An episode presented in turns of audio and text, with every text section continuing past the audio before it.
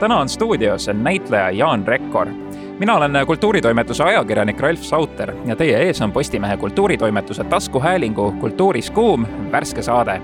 üheksandal septembril saabub voogedastusteenusesse Viaplay uus kodumaine krimisari Kes tappis Otto Mülleri, mis põhineb Virk Rohelennu samanimelisel romaanil jõhkardlikku Otto Müllerit kehastav Jaan Rekkor külastaski Kultuuris Kuuma, et rääkida lähemalt selle sarja tegemisest ning näitlemisest nii filmides kui ka teatrilaval. ja muide, kuulajatele on mul seekord ka magus üllatus varuks. seekord loosime me välja Pirk Rohelennu raamatu, millel see uus Viaplay sari ka põhineb loosis osalemiseks saada mulle e-kiri aadressile ralf.sauter.postimees.ee pane e-kirja pealkirjaks Kultuuris kuum ning kirjuta meile, keda sa tahaksid tulevikus saatekülalisena näha. võitja valitakse juhuslikult ja temaga võetakse ühendust teisel septembril.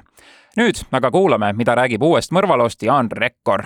tere, Jaan tere! ma täitsa eile läksin teleka ette popkorni ja pidžaamaga, sest oli lootus vaadata uut krimiseriaali, mulle saadeti lingid terve seriaali vaatamiseks, aga need lingid ei töötanud, nii et ma sain ainult esimest episoodi vaadata täna enne intervjuud kusjuures. nii et sa ilmusid elu suuruses minu ette kohe pärast sarja esimese osa lõppemist minu jaoks. no kuidas tundus? Ja ma, ma kusjuures ei moosi väga tihti näitlejaid ja filmitegijaid ja nii edasi, aga äh, antud esimene osa tõesti väga meeldis just selle äh, pärast, kuidas näitlejad on äh, suhestatud ja pingestatud, seal sarjas on mingisugune pingestatus ja ja selline nii-öelda tume atmosfäär õhus, mis on väga tajutav ja sa täpselt ei tea, kust see tingitud on või kust see tuleb, aga see on alati olemas selles majas, nendes tegelastes. ja siis selle tõttu mul tekkis kohe tunne, et ma tahaks edasi vaadata. väga lahe aga kas sa räägiksid ise natuke kuulajatele, kes ei ole sarja näinud, kes sarjast väga palju ei tea, et, et mis see täpselt endast kujutab mm,? lugu on üks päev, üks päev äh, kelle elust siis, ma ei mäleta, mis see pealkiri on, aga see on Otto Mülleri üks päev Otto Mülleri elust, mis on paraku tema viimane äh,. Otto Müller saab kuuskümmend viis või kuuskümmend, ma täpselt nüüd ei mäleta, ja peab oma juubelipidu ja tal on oma perele üht-teist seal üllatusi varuks ja, ja, ja e, nii pärimisdokumentide kui, kui, kui muude asjadega seoses ta on jõukas ja kogunevad tema lähiringkonna inimesed, tema lapsed, laps, laste abikaasad, abikaasad, uued vanad abikaasad, äh, kadunud lapsed ja vis-, kes iganes. ja keegi keegi tapab ta ära, lihtsalt laseb talle kuuli pähe seal pidulaua ääres. ja seda lugu hakatakse nüüd siis uurima ja vaadatakse seda siis läbi seitsme või, seitsme või kaheksa tegelase vaatevinkli. küllaltki niisugune riskantne ettevõtmine, kes viitsib üht sama lugu seitse-kaheksa korda järjest vaadata. aga õnneks ei ole asi nii, nii hull, ikka vaadatakse läbi üksikute inimeste ja kõik lood on selles mõttes nagu erinevad see on selline huvitav äh, dramaturgiline lahendus, mida aeg-ajalt äh, kohtab, mitte küll tihti, kus siis tõesti ühte sündmust näidatakse ju mitmest erinevast perspektiivist, eks ole? ja, ja mul ei tulegi meelde ausalt öelda, kus, äh, kus ma seda veel oleksin kohanud, küll ma tean, et ega ta jah, päris originaalne ei ole. et ju ma olen näinud midagi sellist. see on, see on ühtepidi on see nagu huvitav ja, aga teistpidi, eks tas ole omad ohud ka sees ju, et ähm, ega see väga, väga libedalt äh, võib-olla ei lähe, sa ütled, et sa esimese, esimese osa küll vaatasid ära ja sind öö, ta kuidagi intrigeeris, aga võib-olla teised osad tänu sellele, et et see pinge ongi kogu aeg selline, ühtlane, et ta võib-olla natuke võib ka tüütuks minna, aga ma ei tea.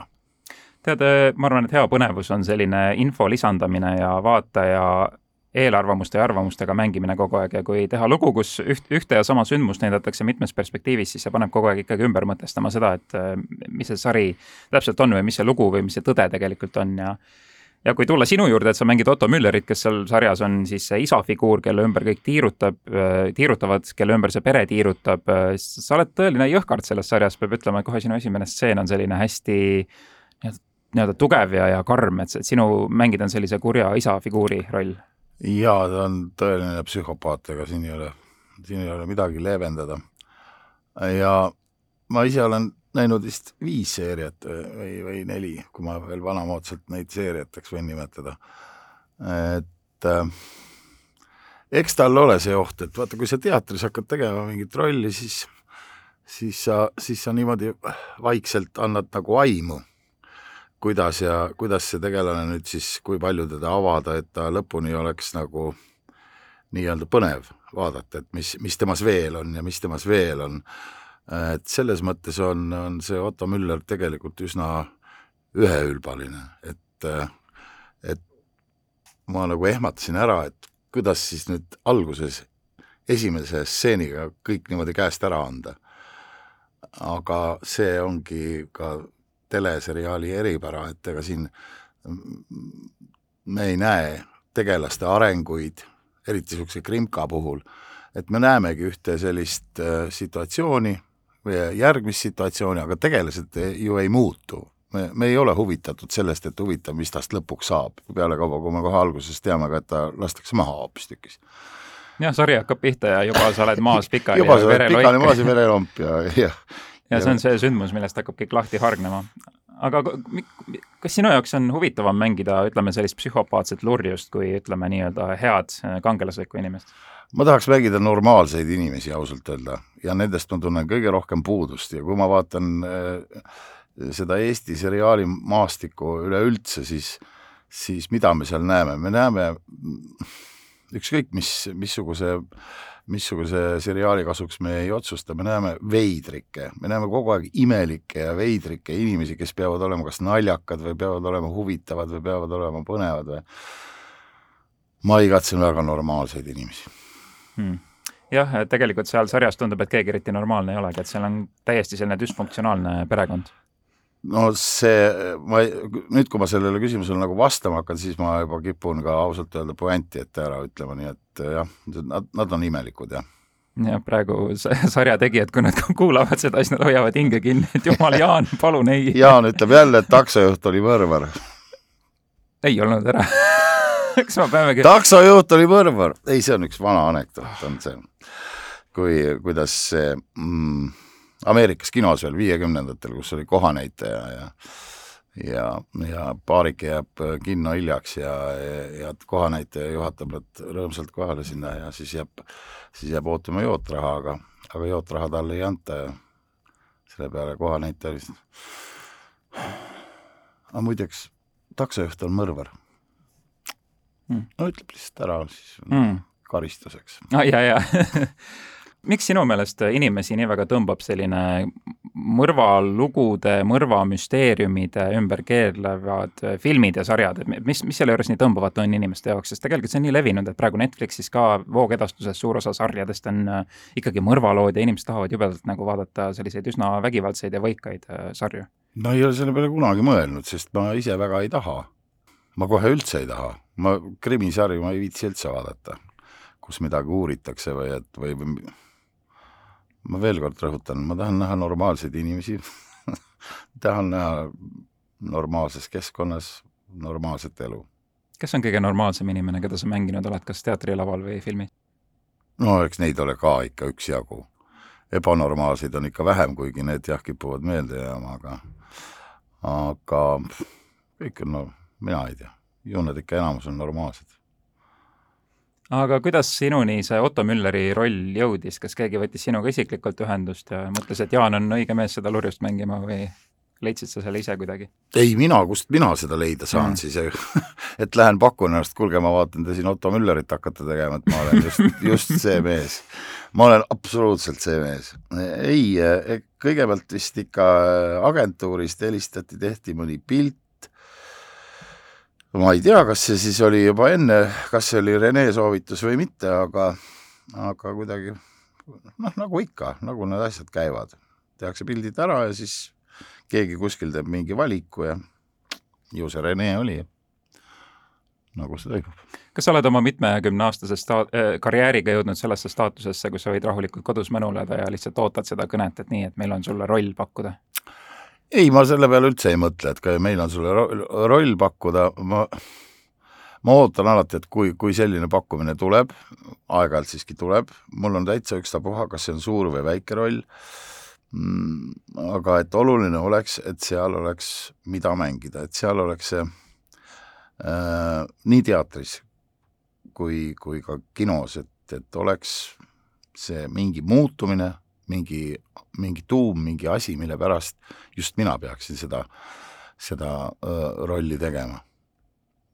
aga, aga ma ei kurvasta ka sugugi, kui telefon ei helise, mulle väga meeldib lihtsalt maljutada aga Eestiski on tegelikult ju filmide ja sarjade tootmise tase läinud palju kõrgemaks, noh, ka kindlasti võrreldes sellega, kui sa alustasid, ütleme, filmides karjääri, et kui, kui palju sinu silmis on tegelikult muutunud selline filmi tegemise tase? ütleme tegemise... niimoodi, et vabandust, et, et ma katkestasin sind, et, et filmi tegemises on see tase on tõesti märgatav ja siin on mm -hmm. süüdlane kindlasti BFM, äh, sest äh, filmigruppide professionaalsus, võimekus on tõusnud ikka kõvasti ja, ja tööjõudlus, kui on vaja töötada kiiresti, siis ma olen aru saanud, siis ka töötatakse kiiresti, kui on aega rohkem käes, siis nagu nokitsetakse rohkem.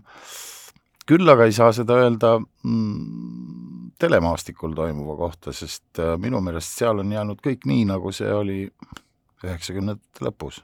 sellele suuri muutusi ma, ma ei tähelda äh,. ei, ei, ei ei aja suhtes, mida kulutada, pigem kulutatakse vähem aega, see tähendab, et raha on vähem.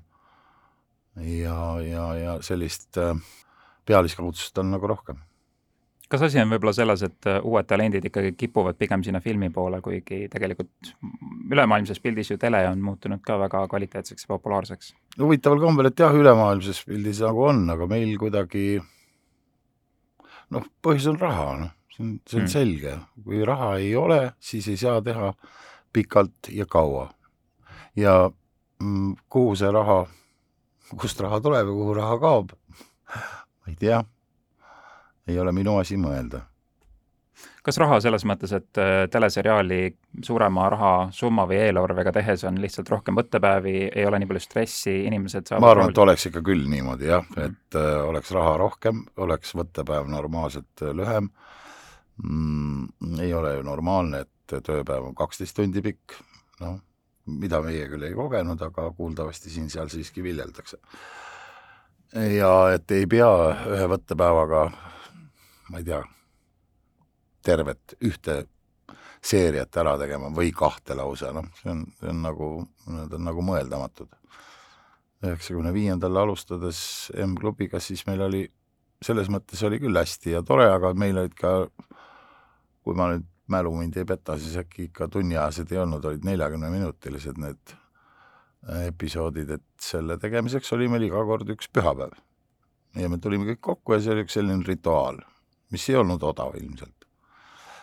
aga tänapäeval tehakse, juba viimased M-klubidki tegime, viimase tähendab, tegime niimoodi, et filmisime läbisegi stseene mm, terve siis hooaja ulatuses, mis on, mis on üsna eksitav mis on üks, üsna eksitav ka näiteks isegi sellise küllaltki kompaktse töö puhul, nagu seda oli Otto Müller, et äh, kui, kui sa teeksid seda teatris ja niimoodi järjest stseen stseenilt, siis sa teaksid täpselt, kus mida näidata, kus mida, mida, mm, kus mida välja pakkuda, kus maal see tegelane oma kujuga on, aga, aga isegi siin kus nagu pealtnäha oli rohkem aega, kus nagu pealtnäha me tegime ka proovi ja kõik, isegi siin ma näen see, seda, kui ma seda vaatan, ma näen oma rolli puhul seda, et ikka on, ikka on segamini, ikka on sassi, see ei ole seda õiget gradatsiooni sees, ei ole seda, ei ole seda arengut või noh, kuigi seal ei olegi arengut, aga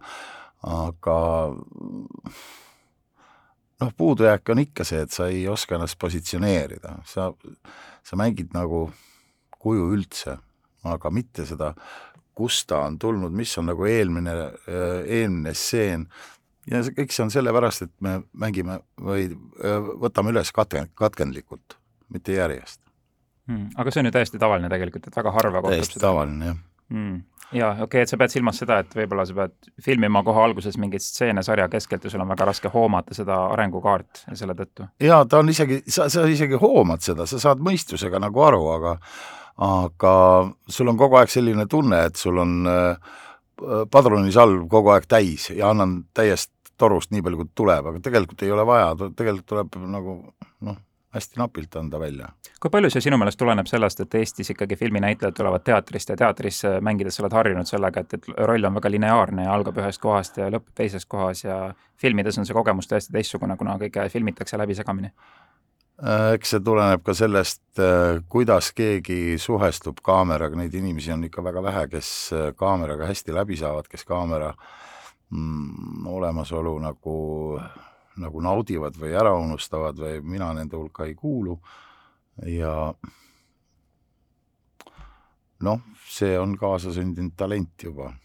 noh, Tõnu Kark tuleb pähe mul kohe kes kaamera ees teab täpselt, kui palju ja mida teha ja vähemalt teadis. aga kui sa lugesid Otto Mülleri seriaali stsenaariumit, kas ähm, kas sul tekkis juba siis nagu hea ettekujutus sellest, kes see tegelane on ja mis, mis tundeid see stsenaarium või see projekt sinus alguses tekitas? see oli niimoodi, et see Nii. lugu saadeti mulle enne, kui ma käisin pildistamas. sa mõtled äh, stsenaariumi, mitte raamatut? jah, stsenaariumit mm -hmm. jah, äh, raamat ilmus hoopistükkis hiljem mm Äh, ja ma kodus lugesin seda ja see, see tundus mulle absurdne.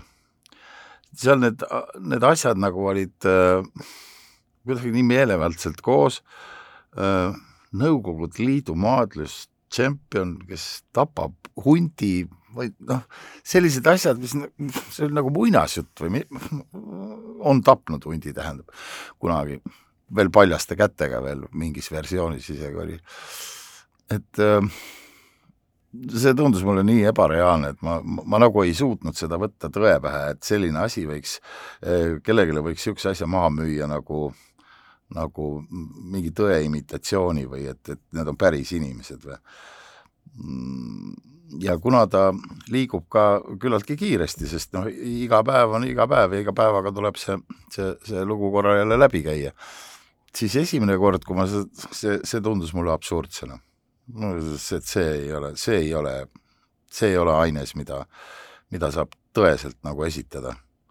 aga siis ma lugesin teise osa läbi ja must tekkisid kahtlused oma eelmiste arvamuste suhtes ja kui ma kolmanda ja neljanda olin läbi lugenud, siis ma sain aru sellest trikist ja sellest võttest ja ja noh, ülejäänud asjad tundusid mulle juba noh, sellised paisutatud mm, karakteriomadused või, või, või, või tema elutee või, need, no need tundusid mulle juba sellised, mis ei ole nii väga olulised. et üldiselt see struktuur ja lugu hakkas minu jaoks ikka tööle jah, kuskil kolmandast seeriast. Praegu kõik äh, nõukogudeaegsed maadlustšempionid, kes on hundi maha murdnud paljaste kätega, nad on väga solvunud juttu kuulates. Ja, ja, ja aga no inimesed tegelikult ju, neile on, meeldib krimisarjade juures, et seal on see vint natuke üle ka võib-olla keeratud, et ei olegi võib-olla päris nii-öelda reaalsuses, vaid ikkagi on need tegelased utreeritud sellisteks hullumeelseteks ja jah, väga võimalik, jah. Ja sa said ju töötada tegelikult väga uhke näitlejate plejaadiga, et ma olin täitsa hämmastunud, et kui palju tuttavaid oi, see oli jah, tore ja, ja mõni ikka, ma, ma olen mõne inimese pärast ikka päris rõõmus, Hilje Murel näiteks minu meelest äh, äh, paneb ikka no kuidas laskmises öeldakse, kümme koma kuus või kümme koma kaheksa, noh, ikka üle natuke, et see nii-öelda hiljaseeria oli minu jaoks täiesti vaimustav. Teised olid nii, nagu nad olid just parasjagu, võib-olla ma ei osanud neid vaadata, aga ma ei ütle ka midagi halba, aga hiljem oma oli lihtsalt vaimustav. kusjuures ma lugesin Indrek Ojariga ühte intervjuud, kus ta ütles, et kui ta mängib tegelast, siis ta näitlemise käigus teeb oma peas äh, tehteid, matemaatikatesteid, sest äh, kuidagi inimesed, kes vaatavad, nad tunnetavad ära, et, et nagu peas toimub midagi, mingi lahendamine. ja ma mõt-, mõtlesin seda intervjuud lugedes, et kui mina oleksin näitleja, siis ma hakkaksin seda trikki ka kasutama.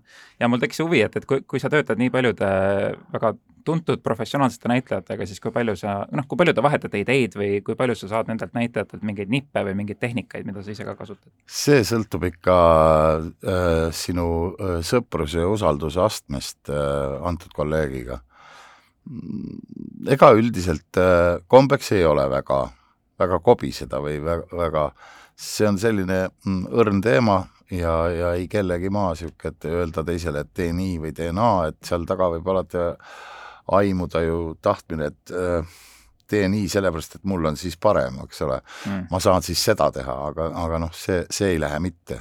Äh, näitleja töö üks, üks olulisemaid asju on just nimelt kohandumine, see, et sa pead valmis olema selleks lihtsalt, mida partner pakub, aga kui, kui suhted on head, isegi rohkem sõbrasuhted, siis, siis aeg-ajalt ikka arutad ja ja, ja saad ka tagasisidet. Märdiga näiteks meil, me ikka rääkisime stseenid niimoodi läbi, et vot niimoodi on, see oli nüüd parem kui eelmine või, või, või, või või prooviks niimoodi, et aga ega see ei pruugi tähendada, et see, et see arutelu viib asja nagu paremaks. sest ikkagi see, mis on sinu peas, see on sinu peas ja, ja kõige targem on ikkagi seda liini jälgida ja usaldada kusjuures äh, tänavu tuli välja üks Eesti film, mille nime ma ei hakka nimetama, aga seda vaadates mulle küll tundus, et kõik näitlejad nagu tun-, justkui näitlevad nii, nagu nad enda peas oleksid täiesti erisugustes filmides, kui sa saad aru, mida ma mõtlen, et a la peaosatäitja mõtleb, et ta on nagu tõsises filmis, kõrvalosatäitja mõtleb, et ta on nagu mingis, äh, mingis jandis ja, ja tekib niisugune ebakõla näitlejate mängu vahel, et huvitav, millest see tingitud võib olla? ma arvan, et see on tingitud režissöörist mm., ega siin muud ei ole yeah.. see ei saagi muust tulla.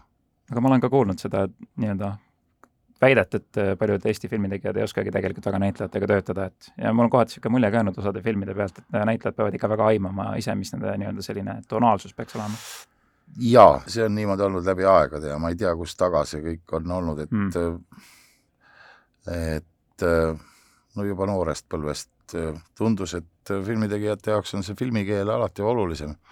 Kaljo Kiisk oli see mees, kes näitlejatega tööd tegi ja hea meelega ja pikalt mäletan neid proove, mitmetunniseid, enne, enne kui võtted algasid, võte oli kell, kell kaksteist Hiiu paviljonis ja siis me Krjukoviga olime ikka kell kümme kohal ja tegime kaks tundi proovi. ja niimoodi aga noh, tihtipeale ei olegi võimalik, sest vot mm -hmm. film on selline hakitud mm, hakitud selline pildirida ka, et no mis sa selle väikse kolme lausega seal ikka proovi teed.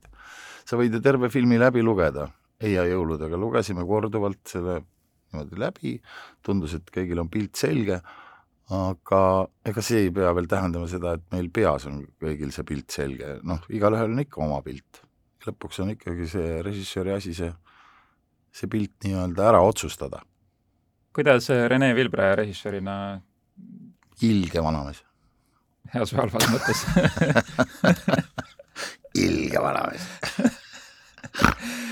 ei, Renega tunneme nii kaua, et mm -hmm. teinud üsna mitu filmi äh,. nii et äh, minul ei ole temaga mingeid probleeme, temaga saab kõigest rääkida. ja Renel on äh, üks hea omadus on tal kindlasti, kui tal neid rohkem ei ole, see, et et ta vähemalt suudab selle, selle stseeni nii-öelda energeetilise, selle tuuma sulle kindlalt edasi anda, ta noh, kuidagi infonormetlikult äh, põletab selle sulle ette no huvitav ongi see, et mina tean peamiselt Rene Vilbred ikkagi komöödiafilmide lavastajana ja ma olin väga üllatunud tegelikult, kui hästi ta saavut-, saavutas sellise kobrutava raske pinge, mis selles sarjas valitseb. mina tean jälle Rene Vilbret kui lastefilmide lavastajat, väga head, Röövlirahva, mhm, Röövlirahva mhm. Martin või mis ta oli. ja siis Haapsalu legend ja nii et lastega ta oskab väga hästi töötada. Aga tema komöödiafilmidest, ma ei tea, esimene kokkupuude äh, Renega oli meil tema diplomitöö, siis oli Rene väike poiss, ta tuli müts näpus, seisis Pärnu teatri Endla valvelauas ja mm -hmm. ootas mind. ja küsis, kas ma tahaksin mängida tema filmis Perekondlik sündmus, lühifilm, Telefajanskit, kes oli siis öö, äh, juudi soost juudi ümberlõikaja. kuna see ametinimetus tundus mulle väga põnev, siis siis sealt me koostöö Renega algas. ja see oli siis aastal üheksakümmend seitse või üheksakümmend kuus, jah? ära ütle, võib-olla küll, jah. jah, kaua aega tagasi. vanad sõbrad. aga kui sinu filmikarjääri juurde tagasi minna, siis muide sa mul mäng... ei ole karjääri. no sa oled, sa oled enda vastu väga karm, ma peaks ütlema aga sa siiski oled mänginud äh, Briti filmis nimega Burial, mis filmiti Eestis. jah. jah, kui väike, kui väike või suur roll kui väike või suur roll see oli, see oli minu eeltingimus oli see, et mina ei pea rääkima ja mina olen vait ja täpselt niisugune roll seal oligi. oli mingisugune vanamees mm,, päris Matvei ta nimi ei olnud, aga aga ei olnud mul seal teha suurt midagi, käisin niisama, koperdasin kohal ja ja aga ähm, see, see no tõesti ei olnud midagi teha, siit-sealt tõstsin kedagi maast või, või tulistasin, panin hagu kellelegi või, või lasin rindu jahipüssist või noh, teha ei olnud suurt midagi. aga, aga naljakas oli see, see ütleme, filmigrupp oli Eestist, aga mm -hmm. see kuidagi see, see mentaalsus oli ka ikka, tuli sealt mm, siis Inglismaalt kuidagi või, äh, sest operaator ei, mitte operaator oli Kotov, aga noh, lavastaja ja, ja plassi, platsi see AD First ja need kõik inglased ja ja see, no täiesti suvaline mingisugune stseen, see, see kurikuulus äh, Harry Potteri sõber oli seal pikali maas surnud ja ja Tom Felton. just. ai, nüüd spoilerdasid küll ära ja, ja, ja ma pidin ta püsti tõstma ja mingisugune must mees jooksis sealt tagant läbi ja, ja siis no ühesõnaga mingid liigutused lihtsalt astud sinna ja vaatad ja tõstad ja et ja siis teed selle ära ja, ja siis on vau, aplaus on, mis mõnitatakse või mis on siis, midagi ei ole ju tehtud. aga kuidagi neil on see reageerimine on niimoodi, et mõtle, tegi ära tõusis ühelt põlvelt teisele. no aga eestlased on sellised introverdid, et ei elata üksteisele kaasa. jumal tänatud, et on väga harjumatu on see.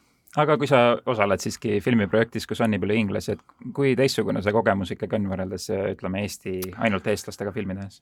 see oli, see kogemus oli jällegi, et, et kui me, me igatseme kõik proovi teha, siis nemad olid nähtavasti tõesti kõik olid filminäitlejad ja see, kuidasmoodi esimene võtte, võttepäev, võtteõhtu, esimene stseen praktiliselt käima joosti niimoodi, et ei tehtud ühtegi proovi,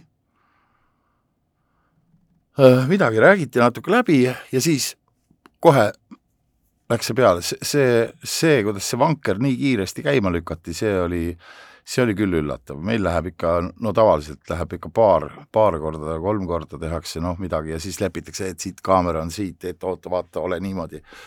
See, kui täpselt nad äh, töötasid küllaltki pika stseeni, sellesama kirstuga seal tuppa toomine ja lahti tegemine ja selle haisemine, Hitleri haisemine seal, see oli päris pikk stseen. Ja nad tegid selle nipsust ära, kõik, seal oli kaheksa inimest vist platsil, kaheksa inimest, kes pidid jälgima kaamerat, keda kaamera pidi suutma jälgida, see, see oli hämmastav. Selgitamaks Hit Hitleri haisemist siis äh, kuulajatele, kes ei tea, et, et see on Teise maailmasõja aegne film, kus siis, mis seal on, Hitleri laip, keda kes on vaja Moskvasse toimetada, jah. et tõestada, et ta vist ikka surnud on või, või noh, et ära mm. hoida mingeid. Ja siis Eesti ei ole filmis muidugi mitte Eesti, vaid see vaid on Poola. jah, ahah. jah, Miloš, Miloš olin ma küll, mis ei ole vist ka päris Poola nimi, äkki see on, äkki see kisub ka sinna Slovakkia poole rohkem. no mingi Tšehhi või? jah aga ega seal midagi erilist ei ole meenutada küll, tavaline seal sa oled ikka äärmiselt tagasihoidliku jutuga, et ei ole sellist reklaamivat elevust ja kõik vaadake no, palun Otto Müllerit no,, vaadake palun Buriali. ma võin ju öelda ka, et, et ärge vaadake, see on jumalast pask, eks ole, aga noh, mõne, mõnel inimesel kindlasti ongi. mina, mina ei hakka kellegi väärtushinnanguid ju muutma siin. ja mida ma ise veel kõike selle kohta arvan, seda sa ei saa iial teada no naljakas on see, et ma just hiljuti nägin Mart Juure postitust Facebookis, kus ta tõi välja, et igas äh, intervjuus näitlejaga ikka tuuakse välja, et kuidas režissööriga oli eriline side ja kuidas ma sain oma projektiga ikka endast rohkem teada ja kuidas la lavaka kogemus oli väga elumuutev minu jaoks. siis ma mõtlesin, et ja, minu ja. intervjuu läheb raudselt samamoodi, aga ei ei, mina ei saa mitte kunagi mitte midagi enda kohta teada ma ei tea, ma, ma ka ei saa aru nendest äh, projektidest, mis, äh, kus pärast näitlejad räägivad ja et siis me uurisime seda ja me uurime seda ja teist valdkonda. mina ei tea, mul pole aega midagi uurida, ma pean teksti pähe õppima ja vaatama, kuidasmoodi ma partneritega, mis suhetes ma olen. mul ei ole aega uurida neid asju, mis seal sees on mille, mis kõige raskem on kogu selle protsessi juures, kui teksti päheõppimine on üks osa, siis ka kindlasti oma tegelase mõistmine, et, et mille taha sa tavaliselt kõige rohkem kinni jääd? no vot, see teksti või see tegelase mõistmine on, on väga kahe otsaga asi, et äh, seda nagu nõuab ja ise ka oled aru saanud, et ei ole mõtet äh, ei ole mõtet mängida lurjust ja siis mängidagi lurjust, vaid äh, vaid äh, ikka otsid seda, mis teda teeks natuke positiivsemaks, mis teeks teda natuke mõistetavamaks ja see on teatritöös A ja O. äh, siin Otto Müller, Mülleris me nüüd, me lõime Renega sellele käega. ütlesin, ah, kui lurjus, siis lurjus absoluutselt kõiges ja absoluutselt lõpuni. et ei püüdnudki anda mingisugust positiivset joont mitte kuskil. No see oli üks asi, mis mind sarja juures tõmbas, kuna esimene stseen kohe, kus Otto Müllerit näeb oma pereliikmetega suhtlemas, siis on aru saada, et ta on tõesti selline noh, seest väga painatud ja halb inimene. täiesti, ta, ta esimene asi on teine inimene äh, nii-öelda ära tappa, ära kustutada. Äh,, solvates, rünnates äh,, karjudes, kõike kasutades, peaasi, et saaks teise endast alla suruda. ja siis hakkame vaatama sest tal on alati õigus, tal ei ole mõtet, ta ei raiska aega selle peale, et kellegagi midagi vaielda, midagi seletada, midagi, tema õigus ja kogu, kogu lugu. ja vaataja jaoks tekib võib-olla dissonants, kuna alguses, kui ma näen Otto Mülleri laipa kohe sarja alguses ja ma temast midagi ei tea, siis võib-olla mul hakkab kahju, ma tahan teada, kes selle mõrva sooritas, aga kui ma saan sarja vaadates aru, milline halb inimene ta tegelikult on, siis tekib selline pigem kahjurõõm võib-olla pigem tekib äh, jaa, kindlasti, ja, jaa, see tunne, et paras hmm.. aga, aga see tunne võiks jääda ikkagi, et äh, et kes siis ikkagi neist nüüd siis, kes see oli, kelle käes oli relv, kes, kes tappis? see pealkiri on väga täpne. see, see põnevus võiks jääda ja seda üllatavam on lahendus. Äh. sest mina sain korra petta juba seda lugedes aa, no aga see on ju väga hea müügiargument sinu kui näitleja jaoks, et kui ise loed seda teksti ja arvad, et ahaa, ma saan juba aru ja siis tuleb välja, et ei, tegelikult ei olegi nii. jah, ja kusjuures ei noh, seal tulebki nii välja, et, et noh, ma ei räägi siis, jah ja,, olgu. ma nägin küll, kuidas sa praegu tõstsid näppu huulile, ütlesid ära räägi. aa ei niisama ma olin mõt-, mõtiskluses. ma muide äh, jõudsin sirvida natuke Pirk Rohelennu raamatut, millel see sari äh, põhineb, sest Postimehe kirjastus on selle välja andnud, see ei ole nüüd reklaam, ma lihtsalt sain selle, noh, ligipääs oli kiire, kuna ma töötan siin aga selle raamatu alguses on äh, lahe tsitaat Tolstoilt, kes ütles, et ähm, iga õnnelik perekond on ühtemoodi õnnelik, aga iga ja. õnnetu perekond on isemoodi õnnetu, mis äh, muide mulle väga meeldis. Äh, miks sinu meelest paljud perekonnad on õnnetud? väsimusest hmm.. väsitakse ära üksteisest, mis on nagu ühtepidi mõistetav ja ja kui väsinud oled, siis ju joosteski tead, su funktsioonid ei toimi enam niimoodi lihtsalt, su mälu nõrgeneb, sa võid küll teha tehteid peas, aga sa ei mäleta enam neid, neid aistinguid, mis, mis äh, seda suhet võib-olla alguses kõige rohkem ilmestasid. ikka jah, tunde, tundeväsimus jah, ma olen siin nüüd juba paar aastat abielus olnud ja ma noh, kuidagi aiman, et selline pikk kooselu, et seal on ikkagi tööelement olemas ja pead nagu õppima arvestama teise inimesega ja ei saa nagu oma mättases alati jälle mm, mingid no, konksud seal kõik see on jah, see on õige, aga tead, see on ka see asi, et sa võid siin rääkida ja seletada, ikka mm. tuleb see endal läbi elada mm. ega jutust kasu ei ole. ja siis on ka teine variant nagu Otto Mülleri sarjas, kus äh, tõesti ilmselgelt väga koletislik inimene saab enda ümber läbi rikkuse läbi võimu terve hulga inimesi, kes tiirutavad tema ümber, kas siis lootuses sellest suhtest midagi saada või on kuidagi sõltuvad temast ja see on see kõige kurvem, kui katkised inimesed lihtsalt sõltuvad võib-olla halvasti inimesest. jah, nad ei saa, nad ei saa üksteisest, nad ei saa välja enam sellest ringist ja see on, see on meile ju väga tuttav igasugustes olukordades, me ka tahaksime teistmoodi elada või, või, või, või teisi asju teha. tihtipeale me ei saa välja lihtsalt sellest.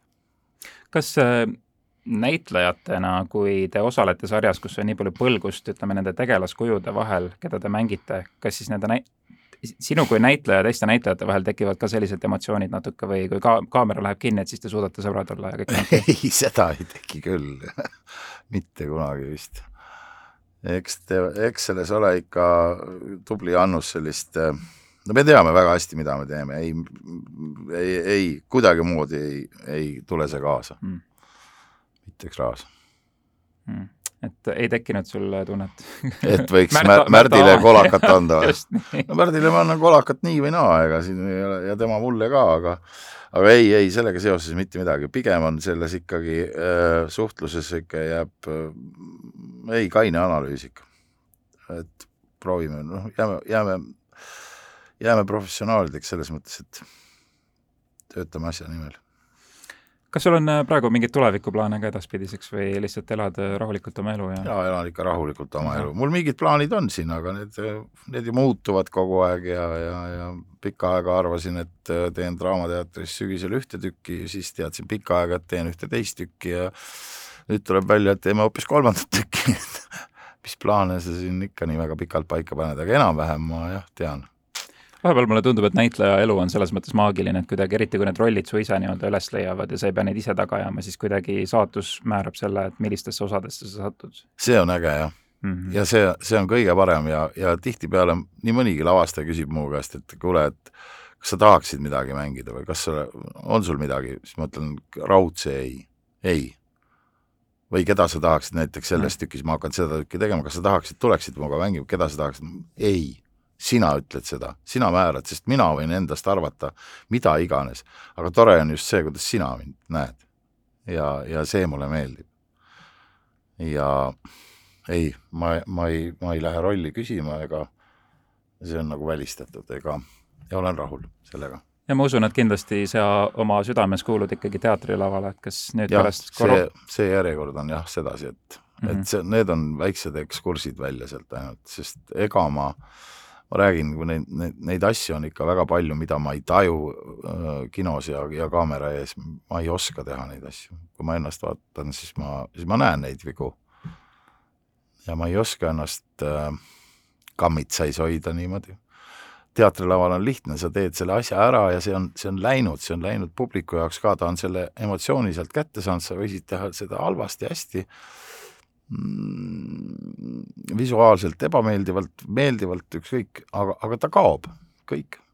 sa oled selle ära teinud, aga seal see, see, see jääb ja, ja ma vaatan jälle, mida sa teed oma silmadega, no pane, pane siis kinni oma suu vähemalt selleks ajaks, noh, niisugused hetked, mida sa lihtsalt ei talu ja sa näed, et sa oleks pidanud käituma teistmoodi kas sulle tundub, et pärast koroonaaega on inimesed teatri juurde jälle tagasi tulnud või on näha mingit muutust? Kinode puhul räägitakse sellest palju, et kas inimesed on ikka leidnud oma tee kinno tagasi. on siis või? kinno? osade filmide puhul tundub nagu väga oleks ja siis jah, pigem jah. pigem jah ja., no selle suve järgi otsustades või mis ma näen, ega ma ise pole suurt äh, teatriplatsidel käinud, aga suveteater on minu meelest küll läinud nii, nii käima, kui, kui pole veel ükski aasta läinud. et selles mõttes ma arvan et mingi vabanemine võib-olla on tõesti toimunud. ja mulle isegi tihti tundub, et inimesed tunnevad rohkem rõõmu koos olemisest ja seltskondlikust elust kui varem isegi. jah, väga võimalik, väga võimalik. Aga suur tänu sulle, Jaan Rekkor, et tulid äh, rääkima Postimehe kultuuritoimetuse taskuhäälingusse Kultuuris kuum uuest seriaalist, kes tappis Otto Mülleri, see ei olnud taksojuht, ma ütlen igaks juhuks uuesti. Ja vabandan kõigi maadlejate ees, kes on äh, hundi ära tapnud jah. suur tänu sulle! aitäh!